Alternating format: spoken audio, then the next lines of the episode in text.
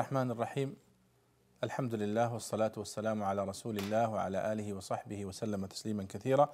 حياكم الله والإخوة الكرام في هذا الدرس الجديد من دروس التعليق على تفسير البيضاوي.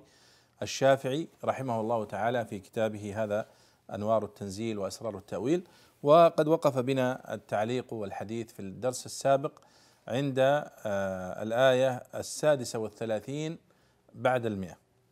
ونبدأ اليوم من قوله تعالى وكذلك زين لكثير من المشركين قتل أولادهم شركاؤهم ليردوهم. تفضل يا شيخ أحمد. بسم الله والحمد لله والصلاة والسلام على رسول الله صلى الله عليه وسلم. قال الإمام البيضوي رحمه الله وكذلك زين لكثير من المشركين قتل أولادهم شركاؤهم ليردوهم وليلبسوا عليهم دينهم. ولو شاء الله ما فعلوه فذرهم وما يفترون. وكذلك ومثل ذلك التزيين في قسمة القربات زين لكثير من المشركين قتل أولادهم بالوأد ونحرهم لآلهتهم شركاؤهم من الجن أو من السدنة وهو فاعل وهو فاعل زين. وقرأ ابن عامر زين على البناء للمفعول الذي هو القتل ونصب الأولاد ونصب الأولاد وجر الشركاء بإضافة القتل إليه مفصولا بينهما بمفعوله. وهو ضعيف في العربية معدود من ضرورات الشعر كقوله فزججتها متمكنا زج القلوص أبي مزادة. وقرئ على البناء للمفعول وجر أولادهم ورفع شركاؤهم بإضمار فعل دل عليه زين ليردوهم ليهلكوهم بالإغواء وليلبسوا عليهم دينهم وليخلطوا عليهم ما كانوا عليه من دين إسماعيل عليه السلام أو ما وجب عليهم أن يتدينوا به. واللام للتعليل إن كانت التزيين من إن كان التزيين من الشيطان وللعاقبة إن كان من السدنة. ولو شاء الله ما فعلوه ما فعل المشركون ما زين لهم أو الشركاء التزيين أو الفريقان جميع ذلك. فذرهم وما يفترون افتراءهم أو ما يفترونه من الإفك. نعم. هذه الآية من الآيات يا شباب اللي فيها نقاش كبير. لأن بعض النحويين ولاحظوا حتى البيضاوي نفسه سوف نلومه لوما شديدا الآن. البيضاوي رحمه الله سوف نلومه لوما شديدا. وهو أيضا مقلد للزمخشري في هذا الموضع. يقول الله سبحانه وتعالى وكذلك زين لكثير من المشركين قتل أولادهم شركاؤهم ليردوهم. يعني معنى الآية وكذلك زين شركاؤهم قتل أولادهم. لكن فيها تقديم وتأخير. دعونا نقرأ كلام البيضاوي. البيضاوي يقول وكذلك يعني ومثل ذلك التزيين في قسمة القربات اللي في الآية السابقة وهي التي مرت معنا آه، في المجلس السابق زين لكثير من المشركين قتل أولادهم بالوأد ونحرهم لآلهتهم. يعني كما أن هؤلاء الجن والشياطين وقد زينوا للمشركين آه، العبث بقضية ما يجعلونه لله وما يجعلونه لآلهتهم. فكذلك أيضا زينوا لهم قتل أولادهم. آه، وقتل الأولاد إما أن يكون بوأد البنات وإما أن يكون بقتل الأبناء قتلا حقيقيا بسبب الفقر. أو أحيانا بسبب بيعهم. كانوا يتخلصون من أبنائهم بعضهم بالبيع لشدة الفقر. فقال شركاؤهم من الجن أو من السدنة. من السدنة وهم الذين يعني يدعون أنهم خدم للمعبد أو خدم للكعبة أو خدم للأصنام. وهو فاعل زين. يعني كذلك زين شركاؤهم. الشركاء هنا هم فاعل. لكثير من المشركين قتل أولادهم لقتل أولادهم هذه مفعول به مقدم. طيب هذه القراءة الأولى. وكذلك زين لكثير من المشركين قتل أولادهم شركاؤهم. لماذا؟ ليردوهم من ال يعني في في من الردى وليلبسوا عليهم دينهم. ستأتي. يخلطوا عليهم دينهم. القراءة الثانية قراءة ابن عامر. وهذه القراءة خطأها النحويون. ومنهم البيضاوي هنا والزمخشري وغيرهم. قال وقرأ ابن عامر وهو عبد الله بن عامر الدمشقي وهو أعلى القراء السبعة سندا بالمناسبة. توفي رحمه الله سنة 118 هجرية. وقرأ ابن عامر زين على البناء للمفعول الذي هو القتل ونصب الأولاد. يعني وكذلك زين لكثير من المشركين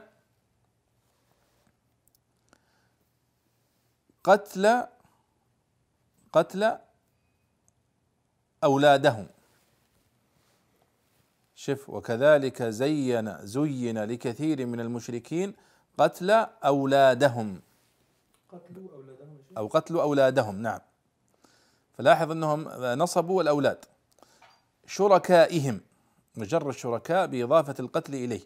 يعني قتل أولادهم شركائهم أولادهم.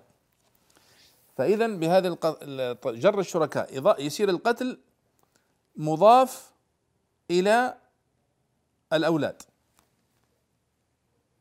ومفصول بينهم ب عفوا مفصول بين القتل والشركاء بالأولاد. تصبح قتل شركائهم. وأولادهم منصوبة وهي معترضة بين المضاف والمضاف إليه. فقالوا هذا ضعيف في العربية. معدود من ضرورات الشعر. ولا يجوز. هذا كلام البيضاوي صح؟ لاحظ يقول وهو ضعيف في العربية معدود من ضرورات الشعر كقوله فزججتها متمكنا زج القلوص أبي مزادة. شوف زج القلوص أبي مزادة. القلوص الآن مثل أولادهم. منصوبة عند ابن عامر.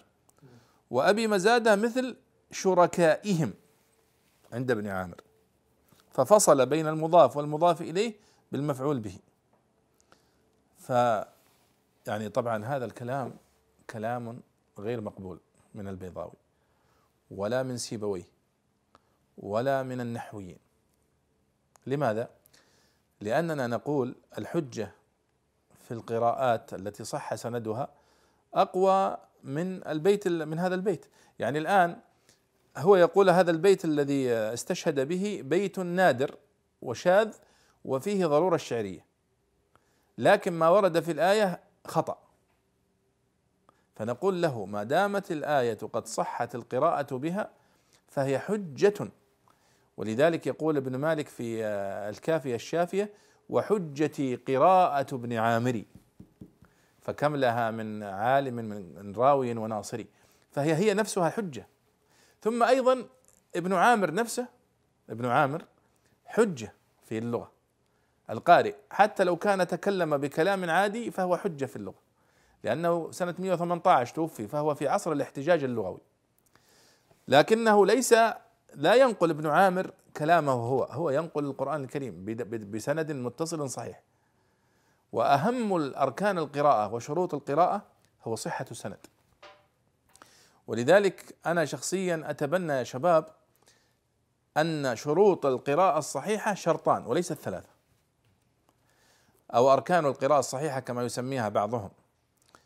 يقول ابن الجزري وكل ما وافق وجه نحوي وكان للرسم احتمالا يحوي وصح اسنادا هو القرآن. فهذه الثلاثة الأركان أنا أقول لا. إذا صح السند ووافقت رسم المصحف فهي قراءة صحيحة. طيب قد يقول قائل طيب أين شرط موافقتها للنحو؟ أقول إذا صح سندها فهي موافقة للنحو رغما عنه. لأنه إذا صح سند القراءة فهي هي ستكون حجة بنفسها. ولا ننتظر أن نرى النحويين هل هي مناسبة لقواعدهم أو لا لأنهم هم يأخذون قواعدهم من هذه المرويات الصحيحة. واضح الفكرة يا شباب؟ فإذا آه، آه، كلام البيضاوي في قوله وهو ضعيف في العربية معدود من ضرورات الشعر غير مقبول ومردود عليه. ومردود على سيبويه من قبله لأنه رأي سيبويه. ومردود على آه، الزمخشري. ومردود على ابن عطية. وكل هؤلاء ومردود على الطبري أيضا على الإمام الطبري. فالإمام الطبري رحمه الله هو ممن ينصر هذا القول. والصحيح ولذلك أبو حيان رحمه الله بعد ذلك رد عليه هؤلاء جميعا وقال إذا صحت القراءة فإنها صحيحة في العربية ولا بد. وليس يعني لديهم حجة في ذلك. وأنا أستغرب حقيقة من تصرف هؤلاء العلماء الكبار الأجلاء في مثل هذا أنهم يردون هذه القراءات التي صح سندها. لكن نعتذر لهم رحمهم الله وندعو الله أن يغفر لنا ولهم. طيب قال البيضاوي وقرئ على البناء للمفعول. هذه قراءة ثالثة. وجر أولادهم. يعني وكذلك زين لكثير من المشركين قتل أولادهم شركاؤهم ليردوهم.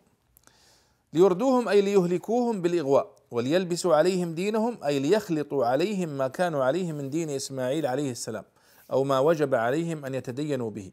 واللام للتعليل يعني ليلبسوا عليهم دينهم ليردوهم اللام هنا للتعليل إن كان التزيين من الشيطان أو للعاقبة إن كان من السدنة.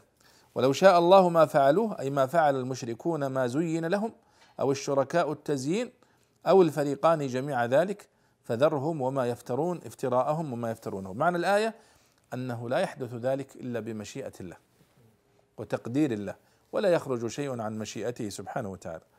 طيب. قال رحمه الله وقالوا هذه أنعام وحرث حجر لا يطعمها إلا من نشاء بزعمهم وأنعام حرمت ظهورها وأنعام لا يذكرون اسم الله عليها افتراء عليه سيجزيهم بما كانوا يفترون. وقالوا هذه إشارة إلى ما جعل لآلهتهم.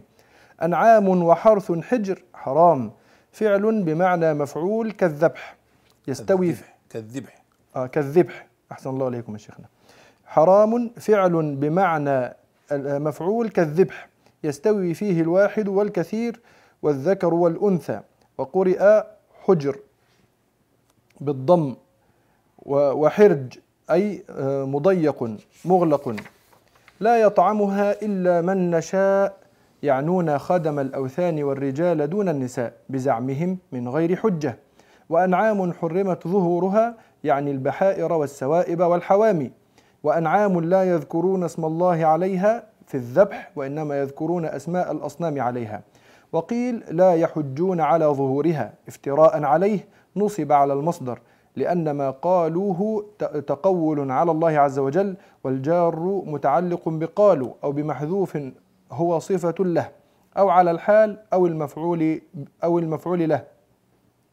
والجار متعلق به أو بالمحذوف سيجزيهم بما كانوا يفترون بسببه أو بدله. نعم أيضا هذا هذه الآية تشير إلى هذه الخرافات التي كان العرب يتعاملون بها مع هذه الأنعام. فقالوا وقالوا هذه أنعام وحرث حجر لا يطعمها إلا من نشاء بزعمهم. وأنعام حرمت ظهورها. وأنعام لا يذكرون اسم الله عليها افتراء عليه. هذه طبعا كلها من المخالفات والمعتقدات الباطلة التي كان العرب آه، يعني يمارسونها. ما معناها؟ قالوا هذه إشارة إلى ما جعل لآلهتهم من الأنعام أو من الحرث. وقلت لكم أن الأنعام هي التي يربونها من الإبل أو البقر أو الغنم وستأتي. وأما الحرث فهو ما كان من نتاج ومن ثمار مزروعاتهم. وقالوا هذه أنعام وحرث حجر. حجر بمعنى حرام. ويقولون حجرا محجورا أي حراما محرما. بمعنى مفعول كالذبح على وزن فعل يستوي فيه الواحد والكثير. يقال هذا هذه أنعام حجر وهذه شاة حجر وهذا موضع حجر وهذه مواضع حجر فيستوي فيها الجمع والوحدة.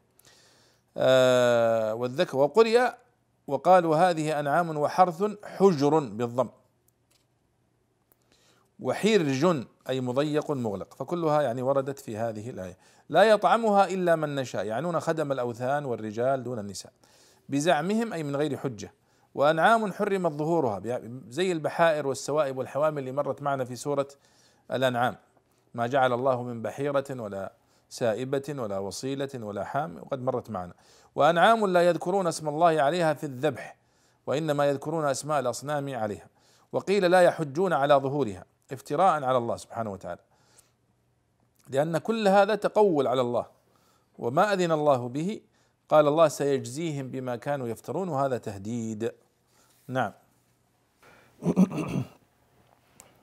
وقالوا ما في بطون هذه الأنعام خالصة لذكورنا ومحرم على أزواجنا وإن يكن ميتة فهم فيه شركاء سيجزيهم سيجزيهم وصفهم إنه حكيم عليم.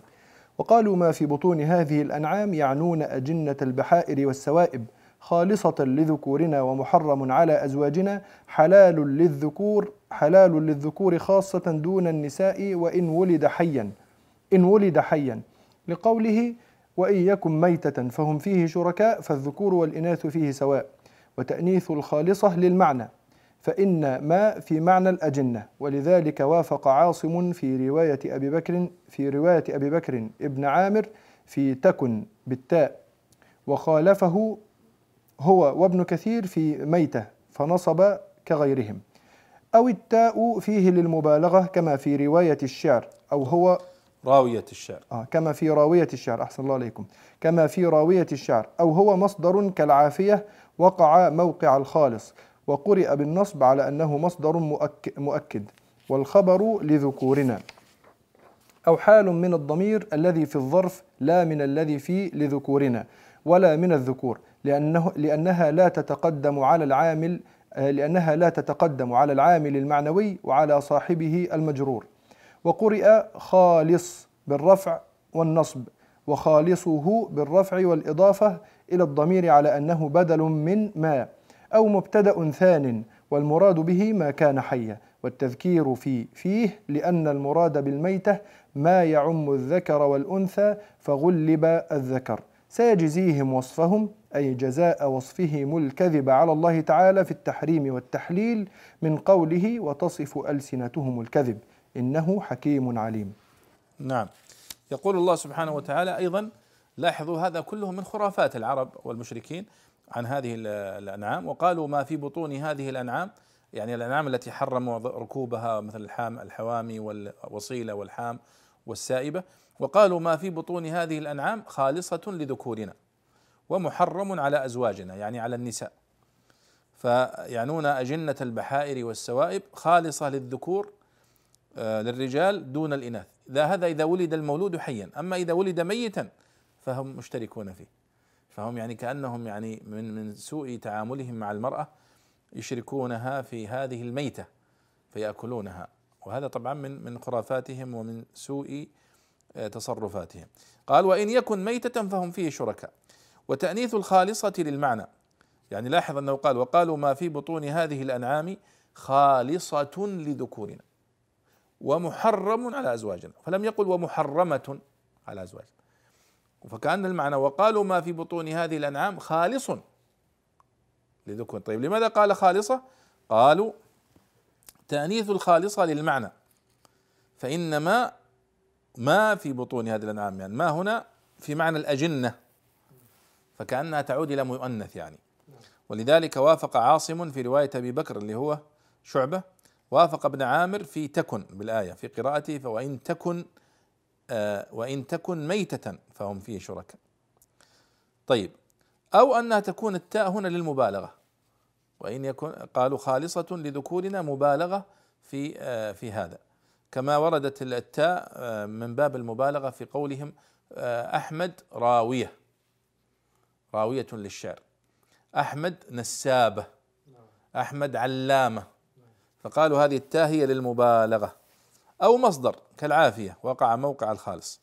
وقرئ بالنصب آه، في قوله وإن يكن ميتة فهم فيه شركاء. عفوا وقالوا ما في بطون هذه الأنعام خالص خالصا خالصة خالصة.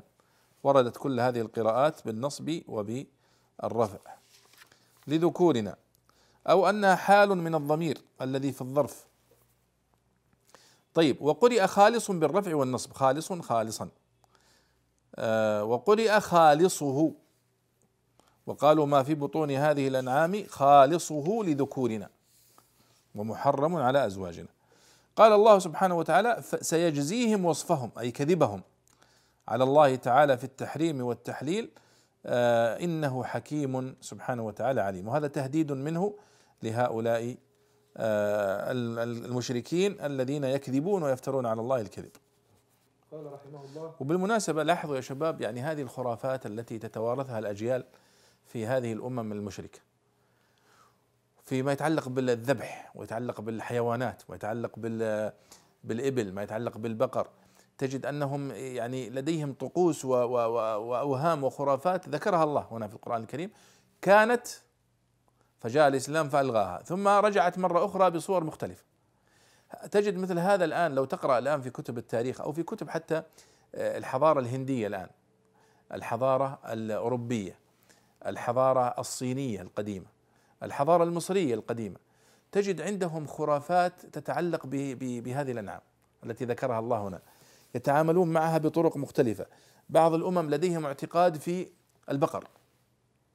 ويتعاملون معه ولهم خرافات مثل الهندوس مثلا. لديهم خرافات كثيرة عن البقر وتعظيم لها وتقديس لها وتعامل معها بشكل ما تتصور. تأتي عند بعض الأمم تجد أنهم يقدسون حيوانات أخرى. بعضهم يقدس الديك بعضهم يقدس القط وهكذا. بعضهم يقدس الدب مثل الروس والحضارات التي تعيش في تلك في سيبيريا وغيرها. الدب له رمزية عندهم وقس على ذلك. فما يذكره الله سبحانه وتعالى عن المشركين هنا ليس بدعا. فما وقع في مشركي عند مشركي العرب وقع عند الأمم كلها. يعني مثل هذه الخرافات. نعم. قال رحمه الله قد خسر الذين قتلوا أولادهم سفها بغير علم وحرموا ما رزقهم الله افتراء على الله قد ضلوا وما كانوا مهتدين. قد خسر الذين قتلوا أولادهم سفها يريد بهم العرب الذين كانوا يقتلون بناتهم مخافة السبي والفقر. وقرأ ابن كثير وابن عامر قتلوا بالتشديد بمعنى التكثير. بغير علم لخفة عقلهم وجهلهم بأن الله رازق أولادهم لا هم ويجوز نصبه على الحال أو المصدر. وحرموا ما رزقهم الله من البحائر ونحوها. افتراء على الله يحتمل الوجوه المذكورة في مثله. قد ضلوا وما كانوا مهتدين إلى الحق والصواب نعم يقول الله قد خسر الذين قتلوا أولادهم سفها بغير علم. يعني هذه الآية تؤكد أن قتل الأولاد آه، سواء كان وأدا للبنات أو قتلا للأولاد الذكور كان آه، شائعا ومعروفا ومشهورا ومشتهرا عن العرب. وليس فقط قوله تعالى وإذا الموءودة سئلت التي وردت آه، في في في, في القرآن الكريم. فهنا هنا في قول قد خسر الذين قتلوا أولادهم ولا تقتلوا أولادكم من إملاق وغيرها من المواضع تدل على أن هذه العادة القبيحة كانت موجودة عند العرب. وهذا رد على بعض الباحثين الذين أنكروا مسألة الوأد تماما وقالوا هذه ما كانت شائعة ولا كانت موجودة وهي قضايا نادرة. لا ليست قضايا نادرة بل هي قضايا موجودة وشائعة وكانت موجودة ولذلك جاء القرآن الكريم بالتأكيد عليها. يريد بهم العرب الذين كانوا يقتلون بناتهم مخافة السبي والفقر وقرأ ابن كثير وابن عامر قتلوا بالتشديد بمعنى التكثير. قال سفها بغير علم لخفة عقولهم وجهلهم بأن الله رازق أولادهم لا هم ويجوز نصبه على الحال أو المصدر. يعني سفها هنا إما أن تكون حالا أو أن تكون مصدرا. وحرموا ما رزقهم الله افتراء على الله. ما رزقهم الله كما قلنا من السائبة والبحيرة والحام وغيرها افتراء على الله يحتمل الوجوه المذكورة في مثله. يعني افتراء على الله أنه أمر بذلك أو شرعه سبحانه وتعالى أو رضيه أو أقره. قد ضلوا وما كانوا مهتدين إلى الحق والصواب. ومثل هذه المواضع وهذه الآيات يا شباب هي تكشف لنا حقيقة ما كان عليه المشركون والعرب أو بعض قبائل العرب قبل الإسلام. وكيف جاء الإسلام فصحح لهم التصورات تماما. ولذلك سورة الأنعام كما قلنا ونكرر أنها تتحدث عن صلب العقيدة الإيمان بالله والإيمان باليوم الآخر وتصحيح التصورات. يعني لاحظوا الآن في الآيات التي نقرأ فيها الآن وسوف تأتي معنا أيضا المزيد منها مجرد فقط موقف هؤلاء من الأنعام التي يعيش يعيشون أو تعيش معهم. الإبل والبقر والغنم كيف يتعاملون معه شوفوا المعتقدات كيف كان لديهم اعتقادات باطلة سواء في طريقة الأكل يأكلون الميتة ويأكلون آه، ما لم يذكر اسم الله عليه وكانوا يذبحون لآلهتهم وأصنامهم وكانوا يقولون آه، يختارون أسوأ الأنعام وأسوأ الغنم وأسوأ البقر ثم يجعلونها آه، لله ويجعلون أفضلها وأحلاها لآلهتهم وأصنامهم. ثم إذا احتا ثم إذا انقلبت الآية ورأوا أن ما جعلوه لله أفضل وأسمن أخذوه وذبحوه لآلهتهم. هذه كلها معتقدات وطبعا أيضا كونهم يقولون هذا سائبة لا لا نركبه ولا نستفيد منه هذا حامي محمي لا نركبه ولا نستفيد منه وكذا. هذه كلها معتقدات باطلة. إسراف هدر للمال بغير وجه حق آه، ذبح لغير الله وهو المستحق سبحانه وتعالى العبادة ولذلك الله قال ولكل أمة جعلنا منسكا هم ناسكه فذكر المفسرون أن المنسك هنا هو الذبح طريقة الذبح. ولذلك تجد حتى في الحضارات اليهودية والنصرانية وغيرها دائما يتحدثون عن المذبح. لديهم في في طقوسهم كلمة المذبح تتكرر كثيرا. وهي إشارة إلى الذبح الذبح الشرعي الذبح لله سبحانه وتعالى. وكيف أن إبراهيم عليه الصلاة والسلام عندما فدى الله إسماعيل بذبح عظيم فذبحه فأصبحت سنة لمن جاء بعده. ونحن إلى اليوم نذبح في عيد الأضحى ونذبح الهدي في الحج. وهذه كلها ذبائح عبادات. إضافة حتى لما يذبحه الإنسان في يومه وفي حياته العادية يذبحه على القبلة ويقول بسم الله ويذبح. هذه كلها كما تلاحظون هنا تصحيح لهذه التصورات والعقائد الباطلة التي كانت سائدة قبل الإسلام في الجزيرة العربية. لعلنا نكتفي بهذا في هذا الدرس ونكمل بإذن الله تعالى في الدرس القادم بقية هذه الآيات العظيمة في سورة الأنعام. نسأل الله أن يفقهنا في كتابه الكريم وأن يجعلنا من أهل القرآن الذين هم أهل الله وخاصته. وإلى اللقاء في الدرس القادم بإذن الله تعالى. والسلام عليكم ورحمة الله وبركاته.